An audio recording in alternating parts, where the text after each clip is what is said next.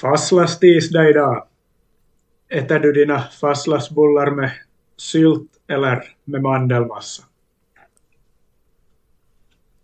Varken där, jag tycker inte alls om fastlagsbullar. Jaha.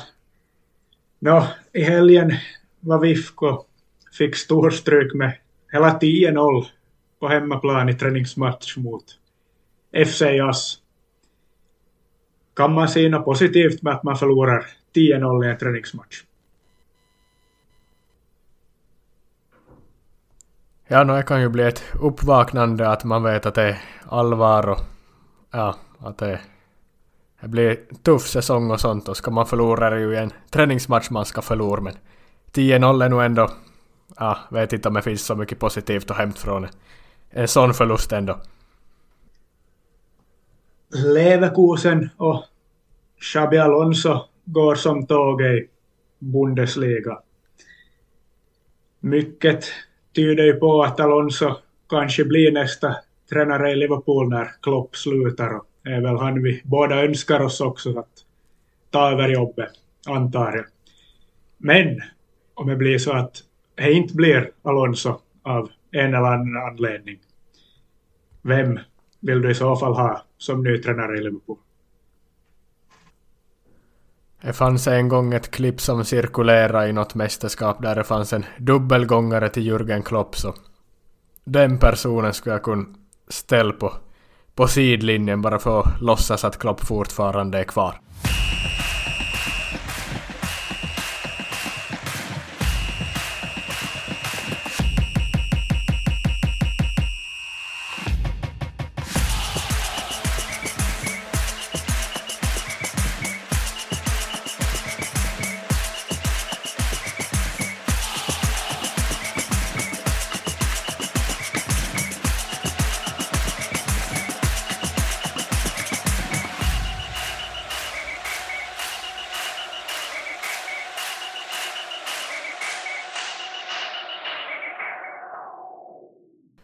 Nytt avsnitt igen då. Förhoppningsvis låter ljudet mitt lite bättre här nu än vad jag gjorde i inledningssegmentet. Jag hade inte riktigt klarat av att få mikrofonen att funka som man skulle borde, men nu tror jag att jag har gjort det. Vi orkar inte ta om det inledningssegmentet där så kort ändå, så förhoppningsvis låter det lite bättre nu då vi kör igång resten av avsnittet. Ja, vi är inne i februari, 13 februari och jag läste en extremt intressant tweet här för någon timma sedan. Opta Joe, statistikjätten med en miljon följare som bruk, ja, kör ut en massa olika statistik och, och historiska aspekter varje dag, flera gånger per dag. De skulle dra till med ett skämt idag, för det är tydligen Pancake Day, eller fastlas eller fettisdagen som vi mer känner det till här i Norden, men internationellt så är det Pancake Day eller Shrove Tuesday, men oavsett. Opta Joe skrev Darren Peacock, nu, nu översätt, jag ska översätta det här nu. Darren Peacock är den enda spelaren vars namn innehåller alla bokstäver i pannkaka på engelska då, som har spelat en Premier League-match på fastlastisdagen. Och det gjorde han 1995 för Newcastle. Och så avslutar de med hashtag, hashtag Pancake Day. Så då vet du det. Ja, får se hur länge man kommer hålla det egentligen totalt värdelösa informationen i hjärnan känns ändå lite överraskande att det bara är en spelare någonsin som har gjort det. Inte det är ju ändå så många bokstäver i Pancake. Ja, så många matcher som ändå har spelats i Premier League genom åren så skulle man ju tycka att det är kanske mer än en men det spelar väl kanske inte så stor roll egentligen. Pancake Day hur som helst eller fastlastisdagen här för oss. Jo, men alltså som man spelar en match på fastlandstisdagen i Premier League och är ju inte så många matcher den här tiden som brukar spelas i på tisdagar är ju någon veckoomgång någon gång men annars är det ju ofta Europaspel. Brukar väl inledas här i februari också så är nog sällsynt tydligen och Darren Peacock, gammal Newcastle-back. Enda som har gjort det. Pancake Day tydligen. Jag visste inte om det faktiskt men är internationellt känt som Pancake Day i alla fall i vissa vettiga länder då tydligen men här pratar vi om fastlasttisdag. Jag undrar hur mycket de hänger ihop Det är ju ändå sötsaker, pancakes och sötsaker med fastlagsbullar här.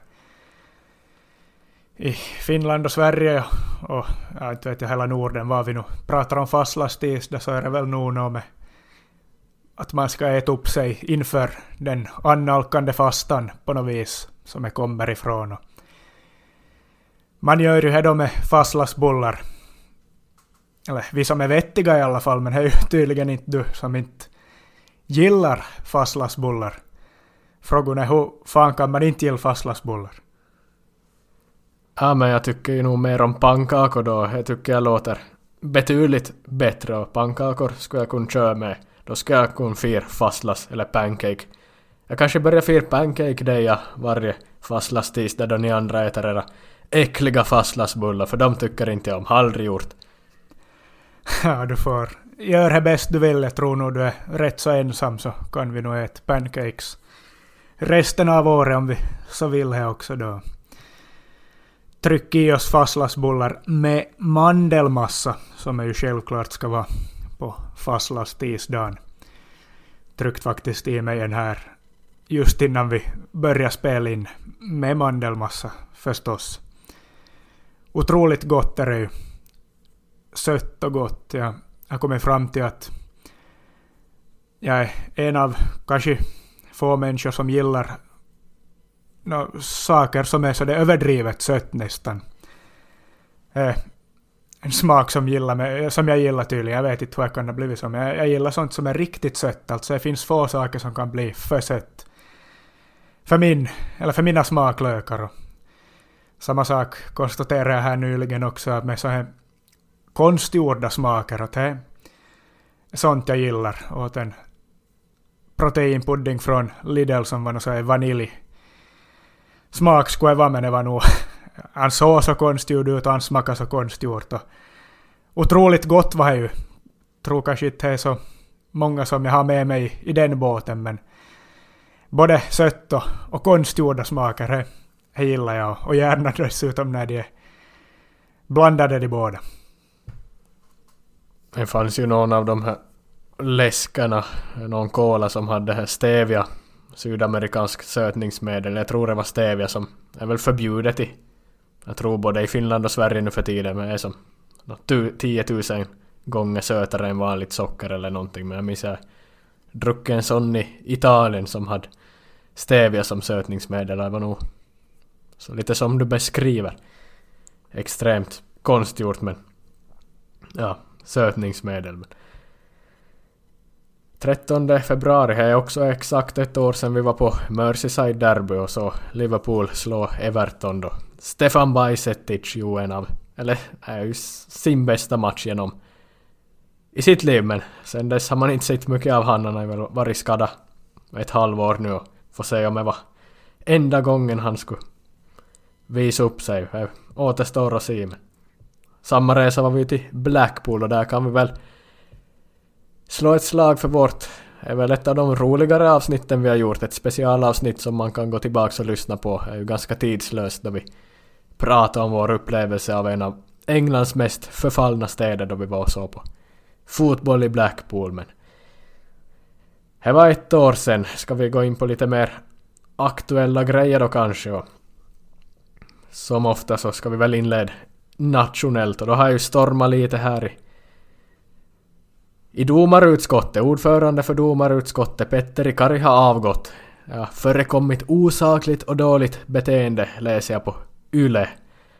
Det är väl någonting som har skrivits om tidigare bakom betalvägg i Helsingin Sanomat här i januari men nej.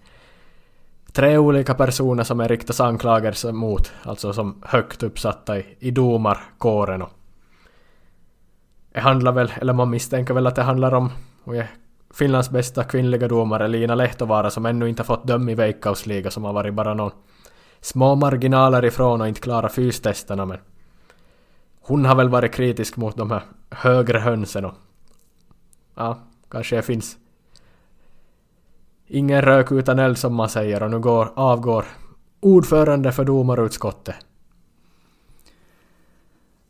Ja, kom lite så här... Ja, ur ingenstans på något vis. Inte tänker man ju att vi i Finland kanske ska ha så mycket problem av det slaget, men domare är ju alltid domare och inte vet jag nu, jag litar i alla fall inte så mycket på domare och blir väl ändå inte på det sättet förvånad över att det har varit så här, håller varandra om ryggen verksamhet där mellan tunga namn ändå på domasidan men förhoppningsvis blir det ju bättring och ordna, ordning och, och reda i, i framtiden då. Få bort de här som inte har skött sitt jobb och ja, misskött det. verkar ju vara riktigt äckligt hur de har hållit på dessutom. Ja, inte vet vi desto mer än vad som skrivs, men man har ju läst genom åren om, om Colinas metoder i Uefa och internationellt all de ska förnedras och all sån här fettprocent ska ta av kläderna och stå nakna och se är ni i bra form och sånt.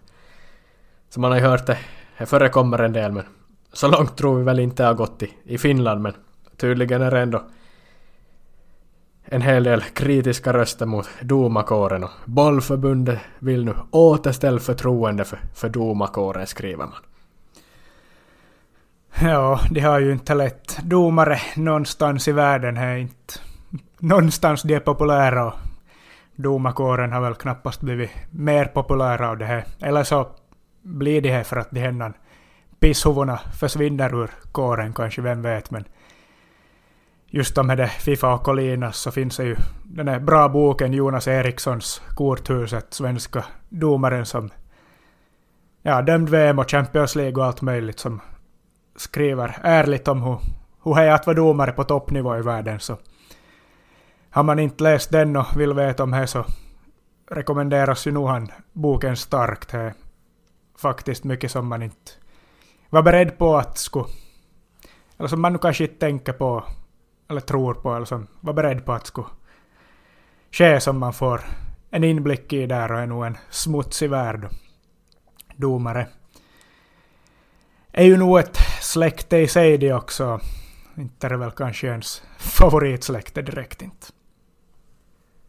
Nej, och Pierluigi Collina som alla i alla fall i, i min generation håller som någon sån kultfigur och personlig favorit, enda domaren man har gillat så när man har läst den boken så har man väl en lite annan bild av honom men vi går vidare. Vi har fått Nations League B-divisionen lottad där Finland ska spela. Och det blev ju intressant lottning får vi säga. Grekland, Irland och England. Vad säger du om den lottningen? Den drar igång i höst. Mäktiga Nations League. Ja, det är väl roligast möjliga lottningen, men också svårast möjliga lottningen av de som nu var möjliga.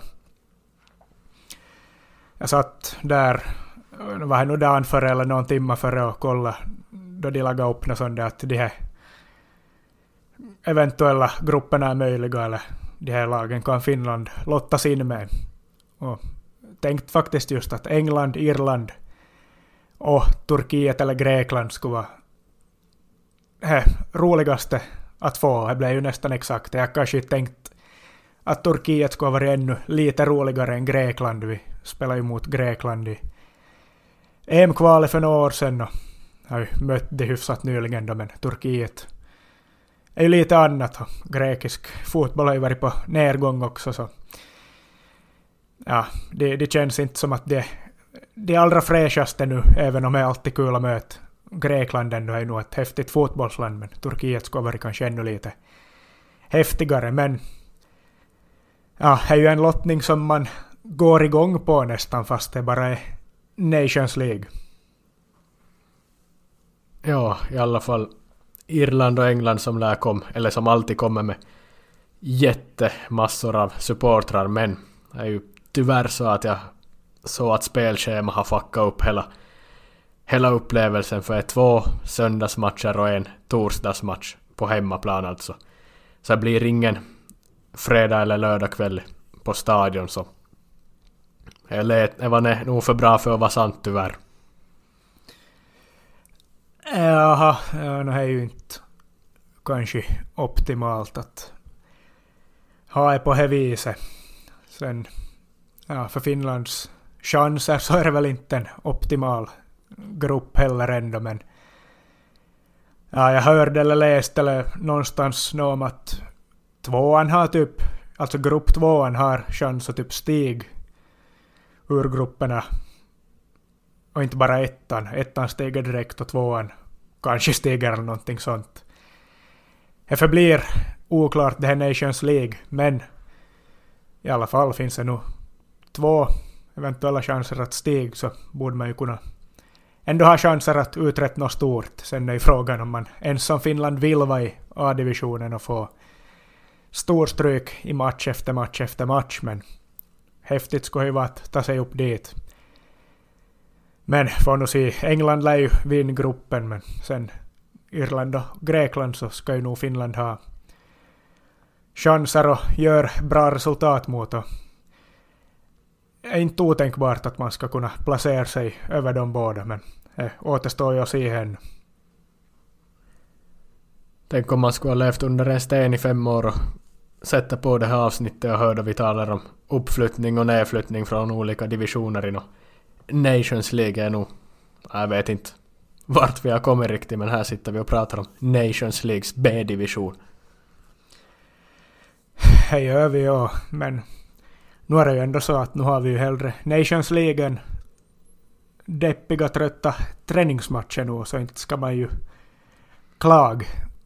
Fast det nu är lite invecklat och kanske nog inte tas på det allvar som alla ska önska av alla så är ju ändå en förbättring än att man ska måste spela en massa meningslösa träningsmatcher under de där landslagsuppehållen istället, så inte ska man nog klaga så mycket på det heller. Men ska vi ta och röra oss ner i landets fotbollshierarki från det högsta vi har, landslaget. Ända ner till ja, division 1 som är nu för tiden. Vasa IFK och FC Jas drabbades samman i en träningsmatch i Vasa här i helgen. Och vi håller ju som alltid lite extra koll på Vasa IFK.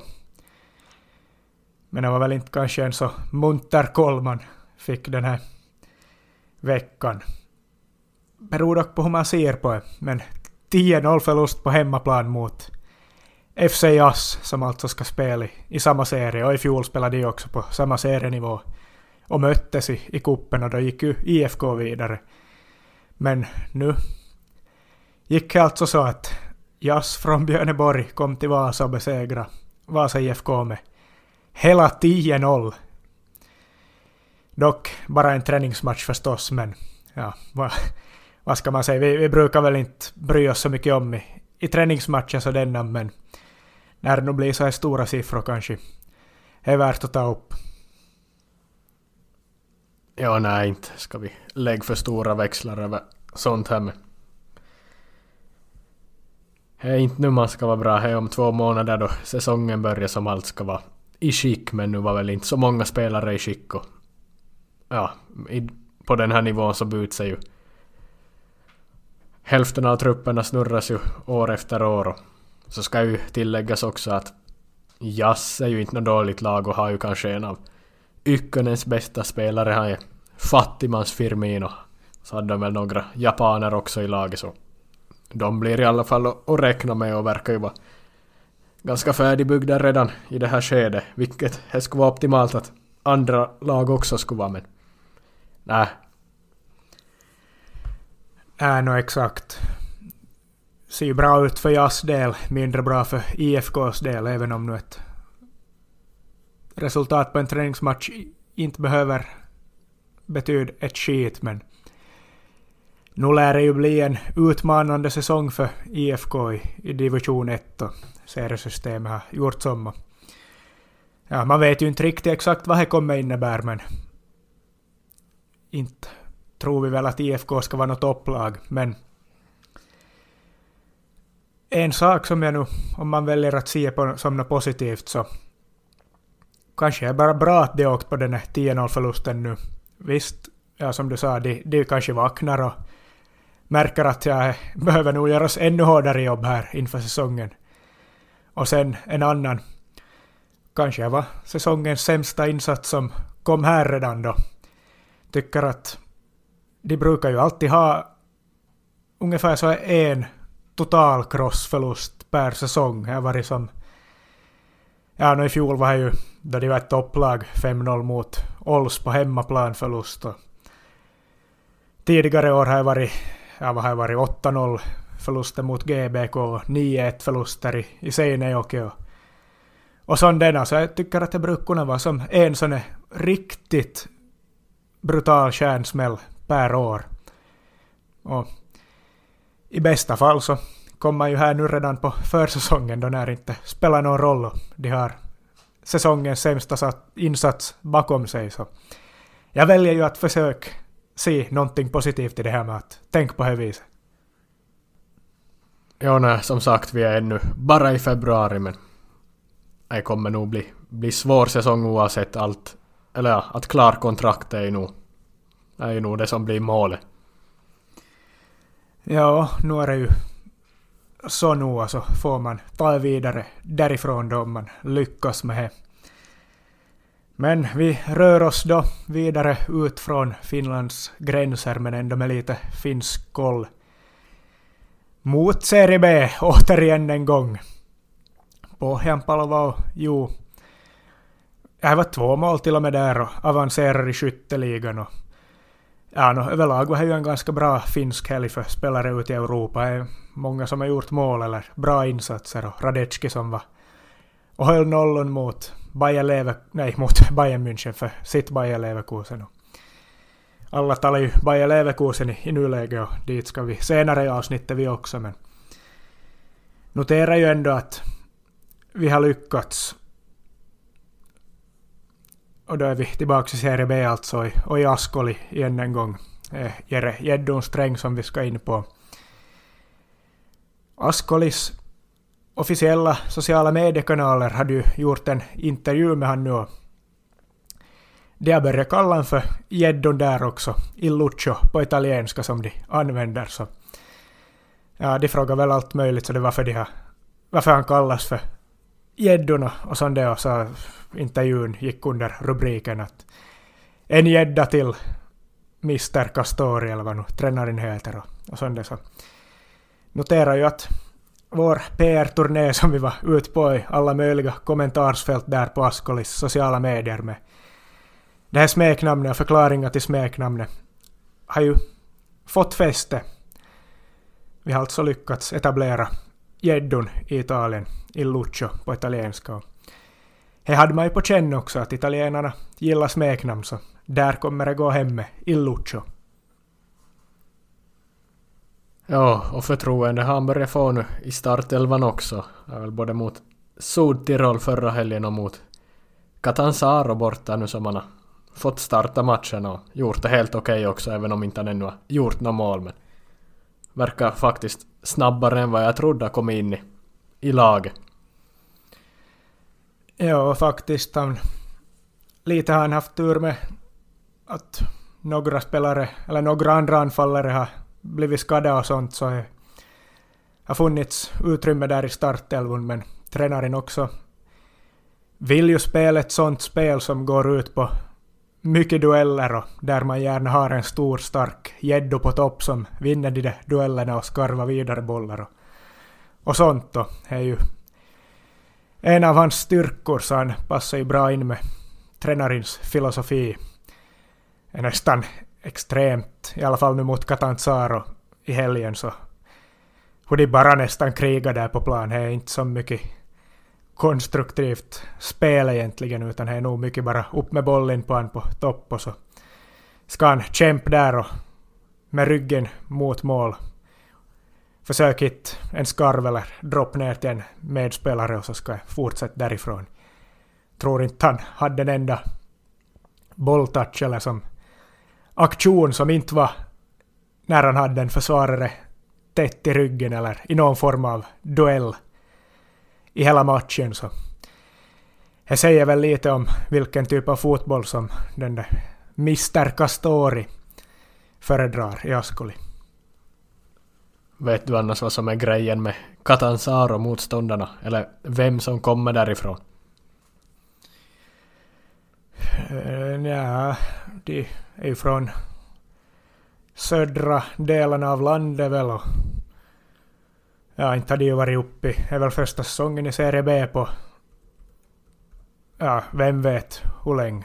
Inte har de ju brukat vara så högt upp i seriesystemet men det går ju bra för de. De är ju på playoff-plats i nuläget och spelar stundtals ganska bra fotboll mot Ascoli men inte vet jag nu riktigt vem som skulle komma därifrån, inte vad jag nu kommer på.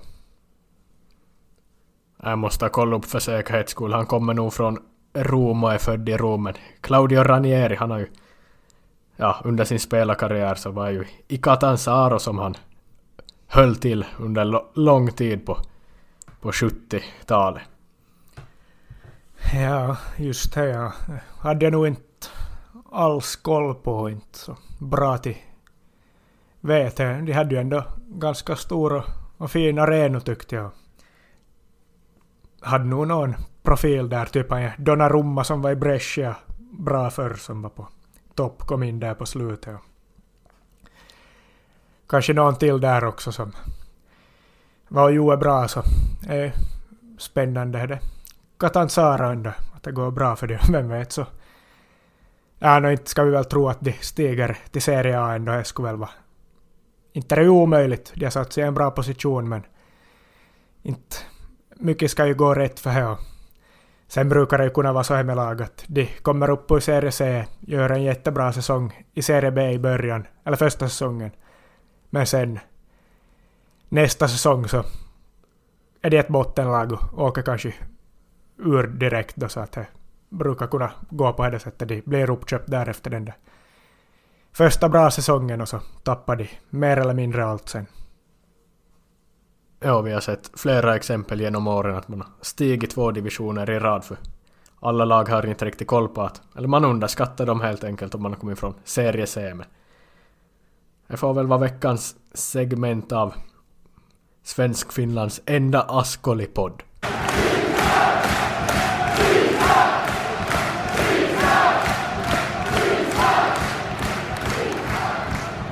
Nåja, vi måste väl ändå, eftersom vi har pratat om mig nästan varje avsnitt, någonting om Afrikanska mästerskapen så... Att Elfenbenskusten till slut vann är väl som vi har varit in på, helt otroligt och är, är väl ett framtida When Kings avsnitt utan tvekan. Ut, utslagna i gruppspelet, mirakulöst vidare, sparka tränaren, bla bla bla, kommit vidare på förlängningar och straffsparksläggningar och så står man där med pokalen i hand på hemmaplan. Och ja. Finalen behöver de inte be om ursäkt för. Att Hall, Haller avgör är ju helt sjukt också med tanke på historien. Ja, du sa det bra. VVVK-avsnittet tänkt säga jag också att det borde göras ett sånt antingen på Elfenbenskusten eller på hela den här sjuka upplagan av Afkon överlag. Där då Elfenbenskusten på något vis lyckas vinna. Men det är väl ett av de bästa exemplen genom alla tider på att vara bäst när det gäller, verkligen. Egentligen var det ju utslagna sparka tränaren som vi var in på, men det visade sig bli ett lyckodrag. Vem vet så är det kanske det nya sparktränaren mitt i en turnering så vinner man turneringen sen. Men såklart mäktigt att det blir på hemmaplan och, och speciellt då att Aller får avgöra då efter allt han har varit igenom så är ju ja, ett magiskt avslut på en helt magisk och otrolig och rolig, sjuk turnering. Sen finalen överlag. Inte matchen har ju som så det annars som match inte resten av hela den här turneringen som är hur häftigt det har varit. Det var ju inte som så färgstark final inte. Inte för att det nu var en dålig final, så det är tre plus match. För att vara en final så var det väl helt okej, okay, men sen inte levde jag upp till riktigt resten av turneringen ännu, men inte ska man ju klaga på. Och sen då ändå att det blev Aller som fick avgöra, så jo är ju nog helt, helt fantastiskt ändå till slut. Och nu ska vi väl tro att Svennis satt hemma i, i Torsby och kollade på matchen som gammal förbundskapten för Elfenbenskusten. Det var ju svenska VM 2010-derby. Lagerbäck mot Svennis lag, Nigeria mot Elfenbenskusten. Nu ska vi väl tro att Lasse Lagerbäck satt med Nigeria träningsoverall och kolla matchen också. Ja, no, nu måste de väl ha gjort det nu. Ja. Nigeria spelar väl inte helt olikt från vad man... Eller vad ett Lasse Lagerbäcks lag brukar göra. Det var fokus på defensiven och väldigt pragmatiskt som de la upp sitt spel och sina formationer men det hjälpte ju inte de hela vägen till guld även om jag tog det till final men jag tycker ju att de skulle kanske kunna vara lite mer framåtlutade ändå med tanke på de spelarna de har att bygga framåt på. Ändå Elfenbenskusten inte... Det är ju inte det bästa Elfenbenskusten de har ställt på benen så att ja, Nigeria skulle nog ändå ha kunnat Försök såra de lite mer och inte köpa det 5-4-1 eller 4-5-1 eller vad det nu var de körde med ja, nästan lite som vi talade om Askoli här. Samma roll för anfallaren och semen som Illucho har i Askoli. Att det är långbollar och han ska krig på de där långbollarna och försök hitta en dropp till en mittfältare eller skarv vidare. Och det är ju ett otacksamt jobb han hade att göra där och det känns som att Osimen kanske skulle kunna ändå utnyttjas bättre än så, sättas i bättre lägen. Användas klokare än vad Nigeria använde honom och de andra offensiva pjäserna här. Ja, och man blir ju lite förbannad alltid när spelare går till Saudi men Frank Kessi, han skulle nog fan ha fler år kvar i Europa om han bara skulle vilja ha eh. Han var så bra under några säsonger i Milan och sen var sådär helt okej okay år i Barca i fjol men sen till Saudi men han var ju ganska viktig genom hela den här turneringen och blev avgörande många gånger. Ja, så var det nog häftig målgest han hade där när alla hoppade och gjorde det på samma vis som han gjorde. Så. Nog synd att han förlorad till Saudi, men vem vet så kommer han därifrån i, i något skede. Inte han ju så gammal ändå inte, men Ja, häftigt ändå att, eh, att han får göra mål. Tyckte ändå Nigeria tog ju ledningen där i matchen och, och ganska så häftigt ögonblick här också när det var kapten mot kapten i, i luftrummet på den där hörnan. Trostekong mot Oriero.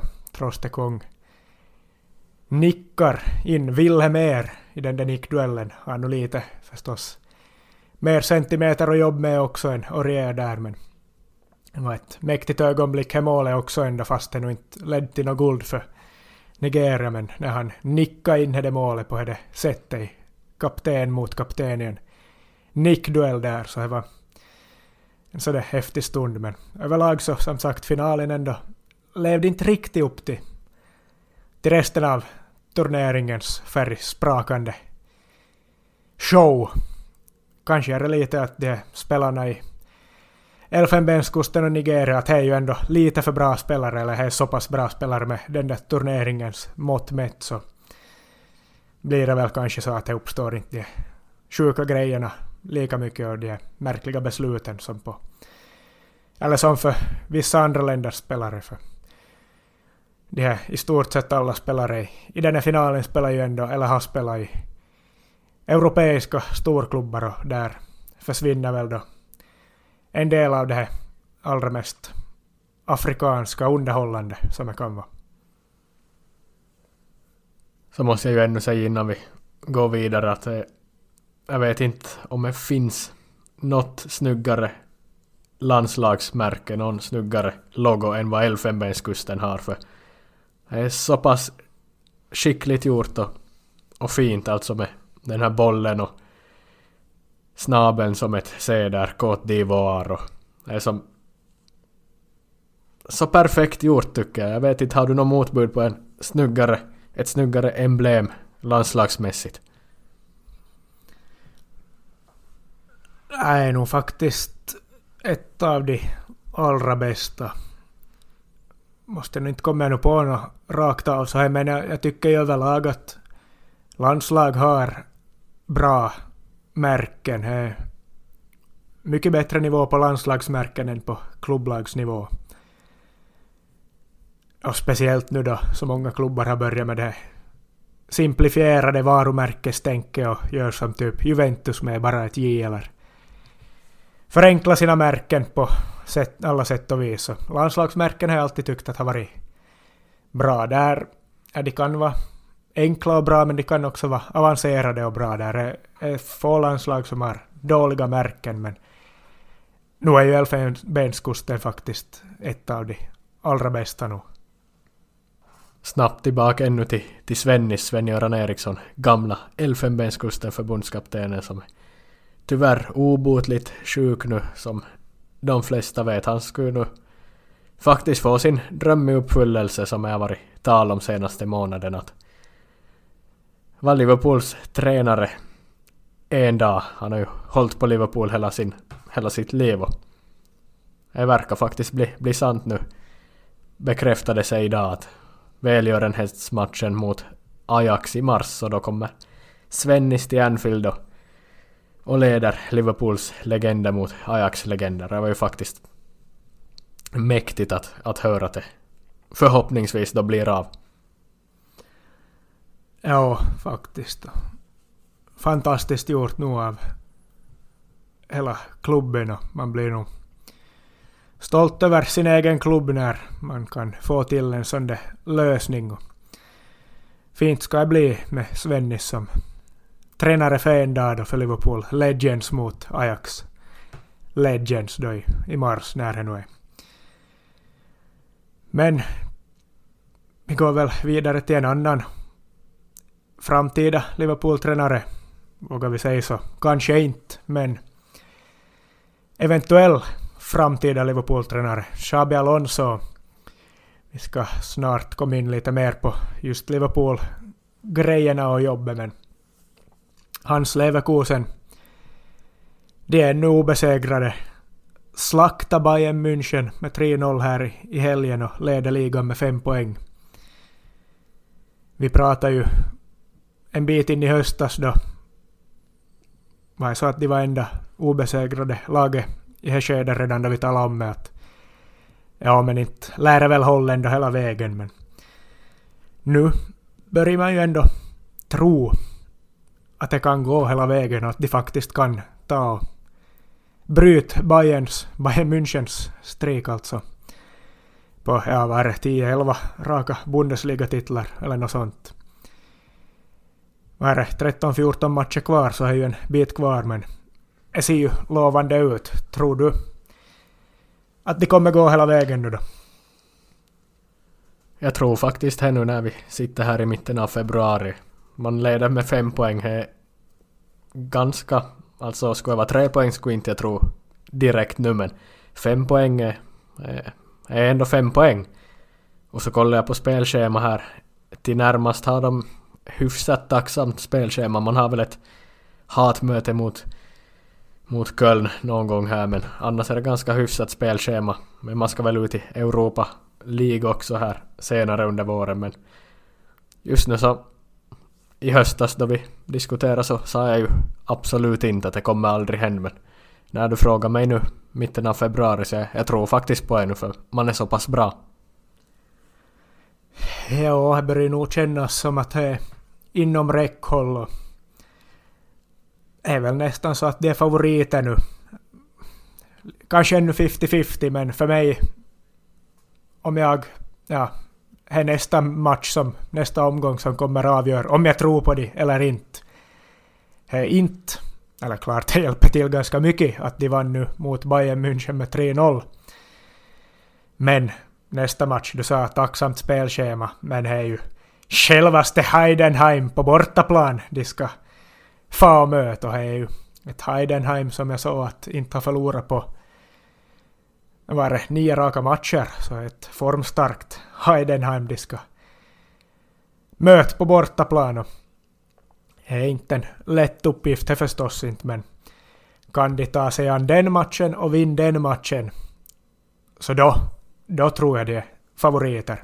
Men är just så här, mycket fokus blir det ju på att de vann mot Bayern nu, men nästa match är ju i alla fall i, i mina ögon nästan ännu viktigare då att man vinner den också och håller det avståndet, inte som direkt bjuder in Bayern tillbaks med något poängtapp där utan Heidenheim borta är en ännu viktigare match nästan. Så vinner de den så tror jag, ja, då, då är de favoriter i mina ögon. Ja, man har ju sett genom åren när lag gör storartade prestationer och sen så tappar man lite fokus veckan efter då man inte lika på och så åker man på något poängtapp men ja, jag tror inte Leverkusen släpper, släpper på några tyglar alls ja. Nej, no, nu är det ju... Ja, nu ska det ju vinna mot Heidenheim borta oavsett hur svår uppgift det är om man, är, om man, eller om man vill vinna en Bundesliga-titel över Bayern så ska man ju vinna en sån match men vi får se hur det blir som sagt. Vinner de den så är de favoriter i, i mina ögon. Men ja, nu var det ju vann mot Bayern med 3-0. Radecki som kapten håller nollon. Springer upp med publiken och firar med hela stadion efter matchen. Och, ja, nu skulle det vara otroligt häftigt om vi skulle ha en finländare som kapten i, i hela laget som bryter Bayern Münchens Bundesliga-streak nu. Ja, man kan ju bara hoppas. Och TPS sparar inte på sina retweets på, ja, på Twitter. Man, man publicerar varannat inlägg är väl Leverkusen och Radetski stats nu för tiden. Är väl. Ja, nu, jag vet inte, näst, börjar bli nästan överdrivet när man är så ner i yrkesliga själv och så rider man på att ja, Radecki har någon gång i tiden spelat i våra juniorer. Ja, det börjar väl redan nu försök på att Får han och kanske göra en säsong i TPS. När han nu börjar vara färdig ut i Europa så... Ja. är väl många år till det känns det som, speciellt för en målvakt som brukar hålla ännu längre men det ska väl börja i tid med smörande så kanske att vi får se igenom ja, sex, sju, åtta år i TPS någon gång då. De kanske har stigit till veckosliga eller något grundjobbet börjar redan här då alltså.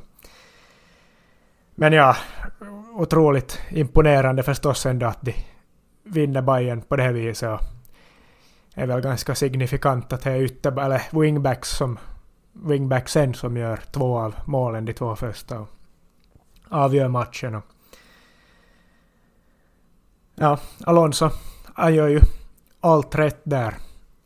Så nu är det ju han vi skulle vilja ha som kandidat till, till att ta över Liverpool-jobbet. Inte spelar han ju riktigt samma typ av fotboll som Klopp gör just nu inte, men nu borde ändå kunna lösa sig ganska bra med honom på, på posten. Och, ja, där är vi väl nog överens och de flesta Liverpool-anhängare är ju nog överens om att det är Alonso vi vill ha på tränarposten efter Klopp. Mycket tyder ju dessutom på att det blir Alonso också. Han har någon klausul i kontraktet, ryktar sig om, som säger att han får gratis fara till en av hans före detta klubbar Liverpool eller Real eller jag vet inte om Bayern är inkluderat där faktiskt när det är Bundesliga konkurrenter men åtminstone finns det någon sån där typ av klausul i kontraktet så det borde vara möjligt att lösa honom också till, till Liverpool nästa säsong. Och han är ju ja, han har väl skött det väldigt professionellt han nu. Och varken sagt bu eller bä eller stängt eller öppnat någon dörr egentligen utan han bara tar en dag i taget han och fokuserar på att försöka vinna den där Bundesliga-titeln. Men mm, mycket ändå som tyder på att han kommer till Liverpool fram tills, ja vad här nu, igår.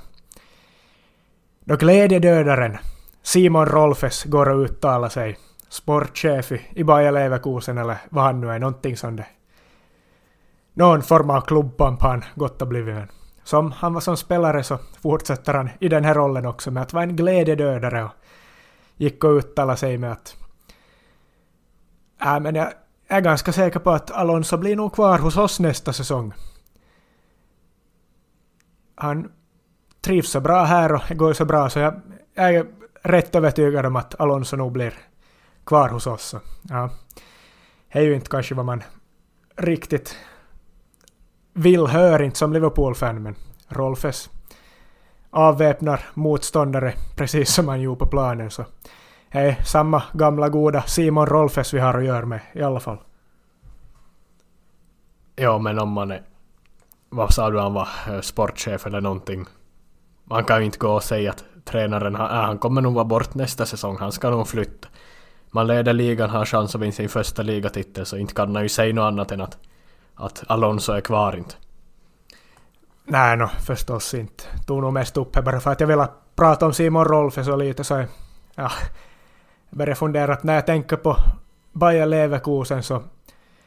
Mitt Bayer Leverkusen, det ska vara Simon Rolfes och det ska vara Stefan Kiesling. Och... Ja, åtminstone en av två Bender bröder. Det är Bayer Leverkusen för mig. Jag vet inte vad, vad är Bayer Leverkusen för dig när du tänker på det. Vilka namn är det som poppar upp i ditt huvud?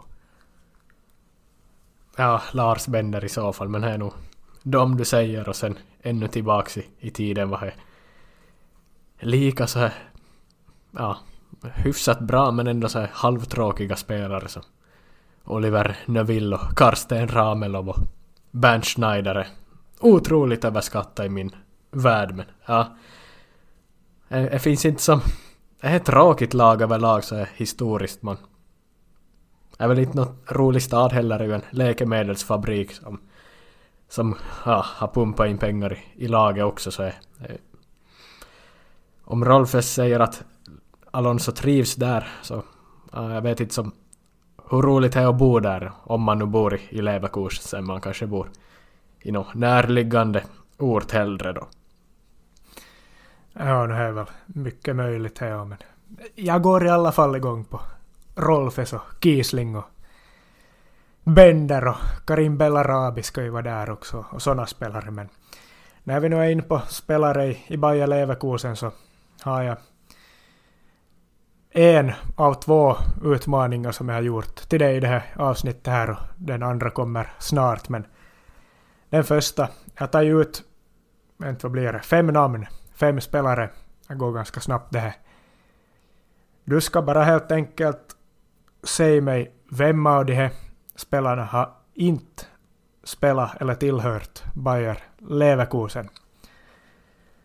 Så jag räknar upp fem namn, inte svårare än så. Du får försöka lista ut vem av de har aldrig spelat för Bayer Leverkusen. Ja. Okej, då kör vi igång. Dani Carvajal, Pierre-Emil Höjbjerg, Arkadius Milik, Domagoj Vida eller Chicharito Javier Hernandez. Vem av dessa har aldrig spelat i Bayer Leverkusen? Sa du Carvajal, Vida, Chicarito, Höjberg och Milik? Exakt, ja.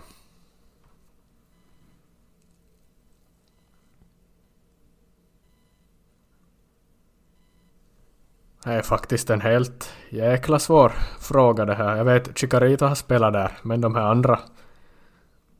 Jag skulle inte tro att någon av de här andra har spelat där. Höjberg... Ja, jag blandar ju med Persiljans Kjellbred nu från Hertha Berlin, men nej. Milik har ju varit... Han kom ifrån Ajax till Italien, han till Napoli. Han... Var har han varit i Tyskland? Höjberg... Carvajal, hur... Jag säger att Carvajal har varit i Leverkusen. Är det rätt? Ja, det är faktiskt rätt och Chicharito var ju rätt också. Carvajal gjorde väl någon säsong där innan han... Jag vet inte om han var på lån eller sådär annars bara...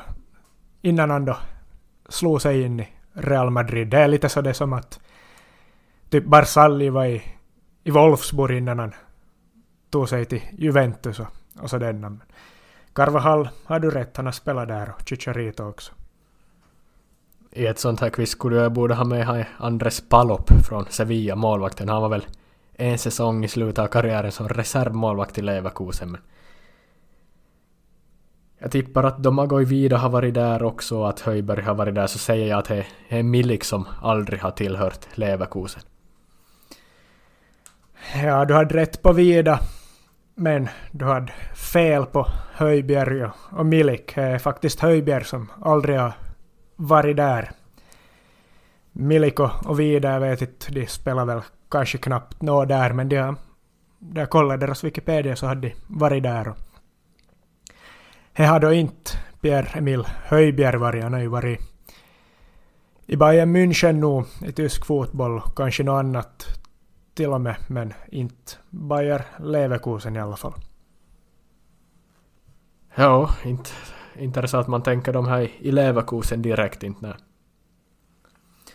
Nej, det var lite därför jag prövade dig på det här quizet. Det är lite så någon trupp så den och tänkte, jag var just fastnat vid att Carvajal hade varit där. Så tänkte jag, det här kan ju dra ett snabbt sånt quiz eller en snabb sån utmaning åt dig då. Jag tänkte att det kan ändå finnas några sådana spelare. Tony Kroos har ju varit där också och sånt och eh, kanske man minns och flera andra förstås och Palop som du sa men det visste jag ju att du visste så det kunde man ju inte ta med här då fast det nog var märkligt att han var där i något skede.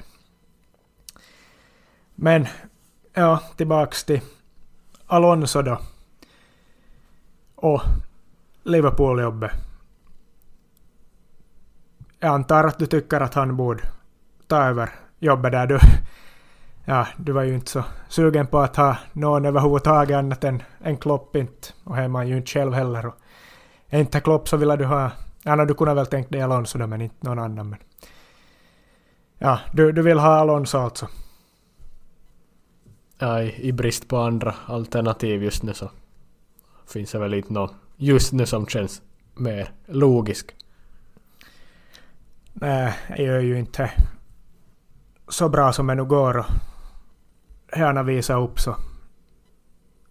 Nu borde ju på alla sätt och vis vara rätt och han har bakgrunden att förstå klubben och så vidare. Och ändå erfarenhet från spelare av att vara med i sådana sammanhang som inte alla tränare har inte och så inte. Sen spelar han ju ett lite annat system än vad Liverpool gör just nu. Inte det helt olikt men ändå vissa skillnader. Det är ju mer trebacks med wingbacks och jag skulle väl gå då med att ha Trent och Robertson som ja, gamla tiders Trent och Robertson innan Trent började leta sig inåt i planen och, och så inverterad högerback så inte skulle det väl vara helt otänkbart men sen trebackslinjen, vi skulle kanske behöva få in någon mer mittback då. Sen vad jag nu har förstått så har han väl som en egentlig princip som han nu verkligen vill hålla fast vid och är väl att han ska ha som två sexor eller två sittande centrala mittfältare. Alltid mer eller mindre bakom bollen. Och Liverpool spelar ju med egentligen bara en sittande mittfältare eller sex. Och har ju inte så många i truppen. Det är ju ändå, och det är ju McAllister som inte kanske är någon naturlig sådan men kan spela på sitt sätt. Som han nu har gjort bra också, men där ska ju vara intressant att se hur han i så fall formerar mittfältet. Men sen är frågan om det blir som Rolfes säger och Alonso trivs så bra i, i härliga staden Leverkusen och njuter av att bo där och, och träna Leverkusen och inte då kommer till Liverpool. Vem vill du ha som tränare då för Liverpool om vi inte kan få Alonso alltså? Och här kommer också dagens andra och sista utmaning. Det har ju förutom Alonso nu spekulerats hit och dit och namn har kastats fram och tillbaka. Så jag har tagit ut några sådana kandidater som nu har nämnts i, i något sammanhang i alla fall. Konkret eller mindre konkret. I alla fall nämnts till att eventuellt kunna vara en kandidat till att ta över Liverpool-jobbet om inte blir Alonso. Utmaningen är som så att du ska rangordna de här från 1 till 7 utan att du vet vilket namn som kommer till näst. Så om du har penna eller något papper skulle du kunna ta fram här och skriva upp så kan du färdigt skriva in en rad med 1 till 7 och så läser jag upp ett namn i taget och du ska placera in det någonstans på listan.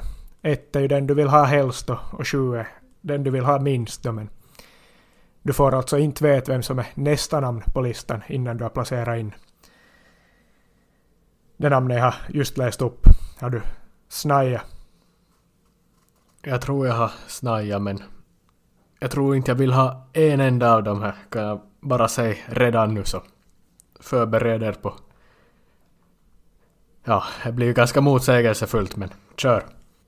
Ja, det blir ju nästan som att vem av de här kandidaterna ogillar du minst om de skulle ta över Liverpool till nästa i så fall. Men vi kör igång med namn nummer ett. Och det är ju De Zerbi från Brighton. Var placerar du in honom från 1 till 7 på din lista? Jag sätter han på femte plats. Lite för extrem ändå men kanske skulle vara intressant att se han i ett topplag. Ja, femte plats är ju ganska lågt ner på listan här ändå.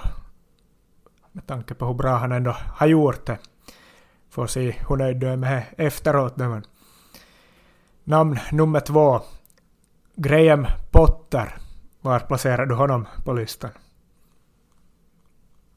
Ja, han sätter jag på, på sjätte plats. Jag tänker att det finns nog någon ännu sämre som jag kan ha på sjunde plats. Men skulle inte ha varit och harva i Chelsea så ska jag nog ha en högre.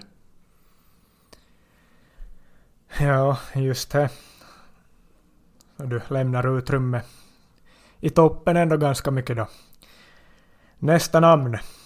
Thomas Tuchel, ifall han inte fortsätter som Bayern-tränare efter säsongen, vilket inte är helt otänkbart.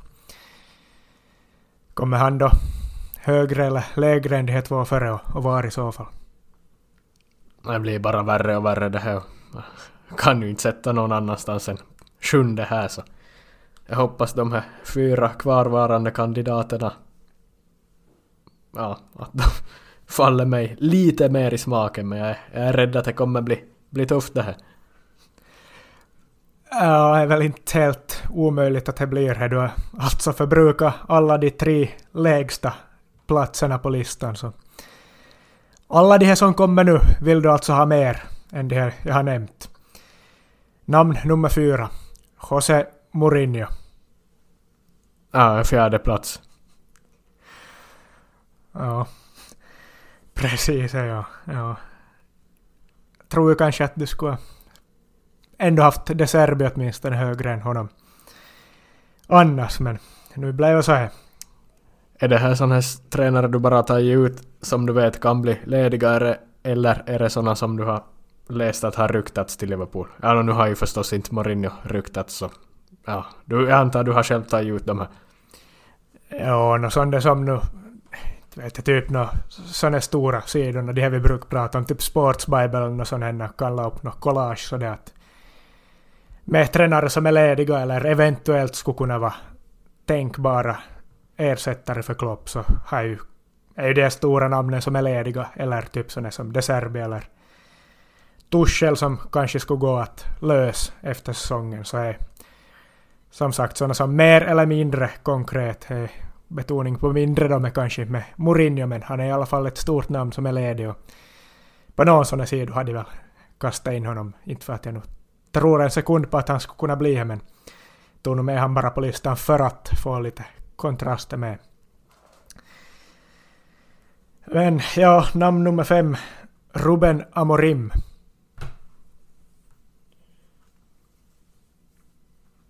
Andra plats, jag skulle kanske ha satt honom på första plats men jag chansar att det finns någon någon gammal legend som jag hellre skulle ha, ha på första plats då men Amorin andra plats. Ja, skulle nog ändå vara en helt intressant kandidat. Han gör ju bra med Sporting men återstår att se om det finns någon gammal legend kvar på listan då som du ska placera högre. Det är alltså två namn kvar och plats ett och tre som är lediga. Näst sista namnet Julian Nagelsmann.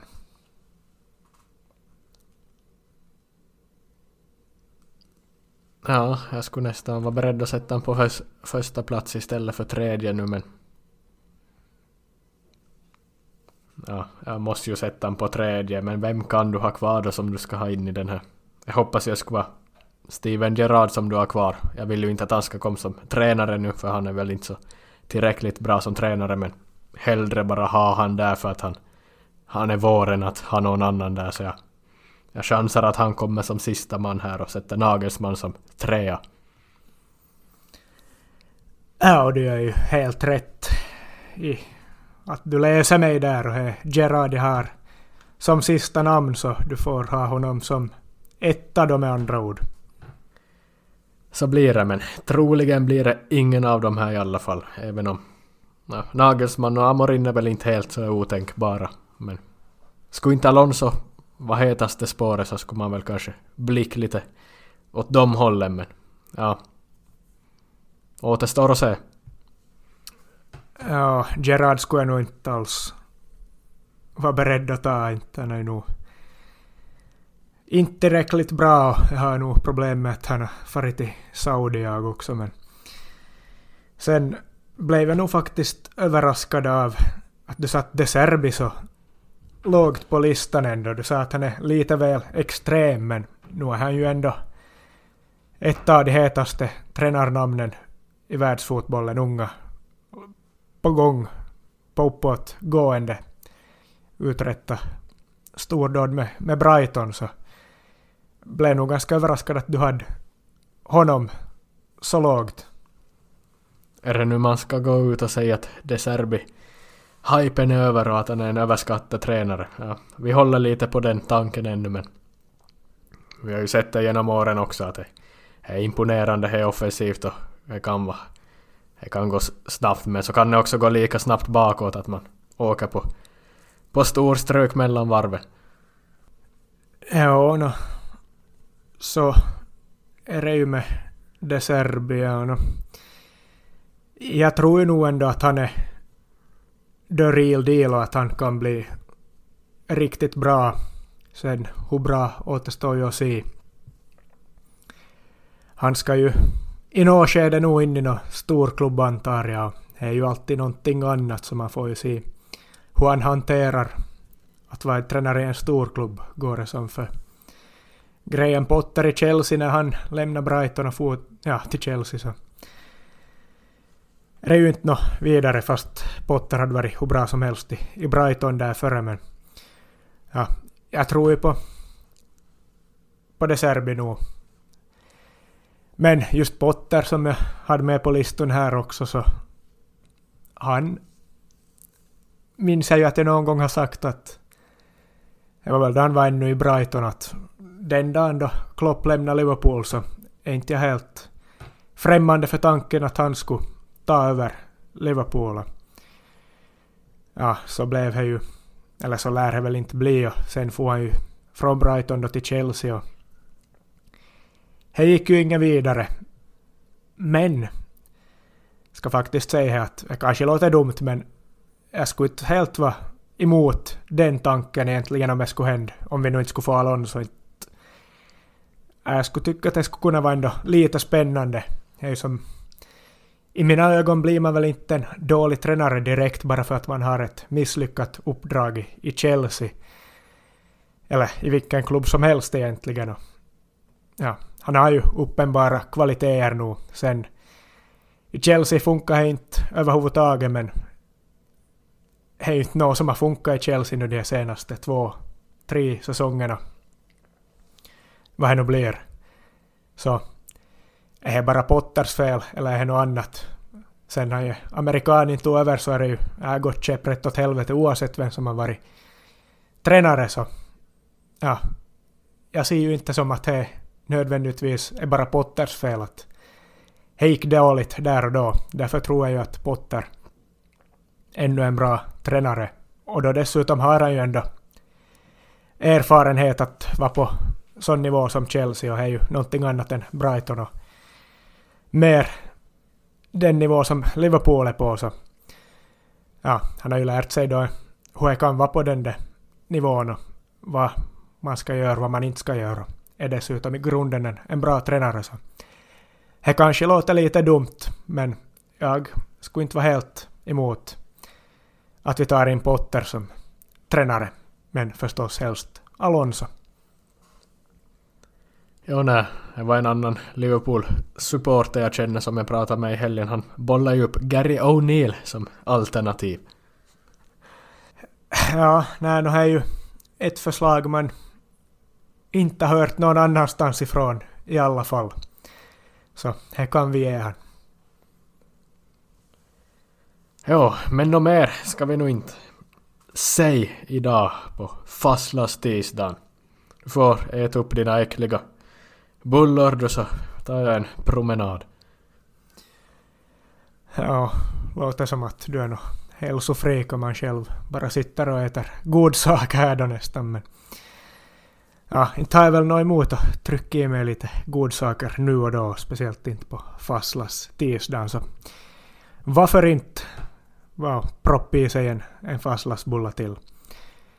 Men ja, börjar väl söka mig mot några butiker då i så fall för försök inhandla något sånt och du får börja söka dig ut på din tråkiga promenad så stänger vi av det här avsnittet och inspelningen och säger tack för att ni har varit med oss och tack för att ni har lyssnat.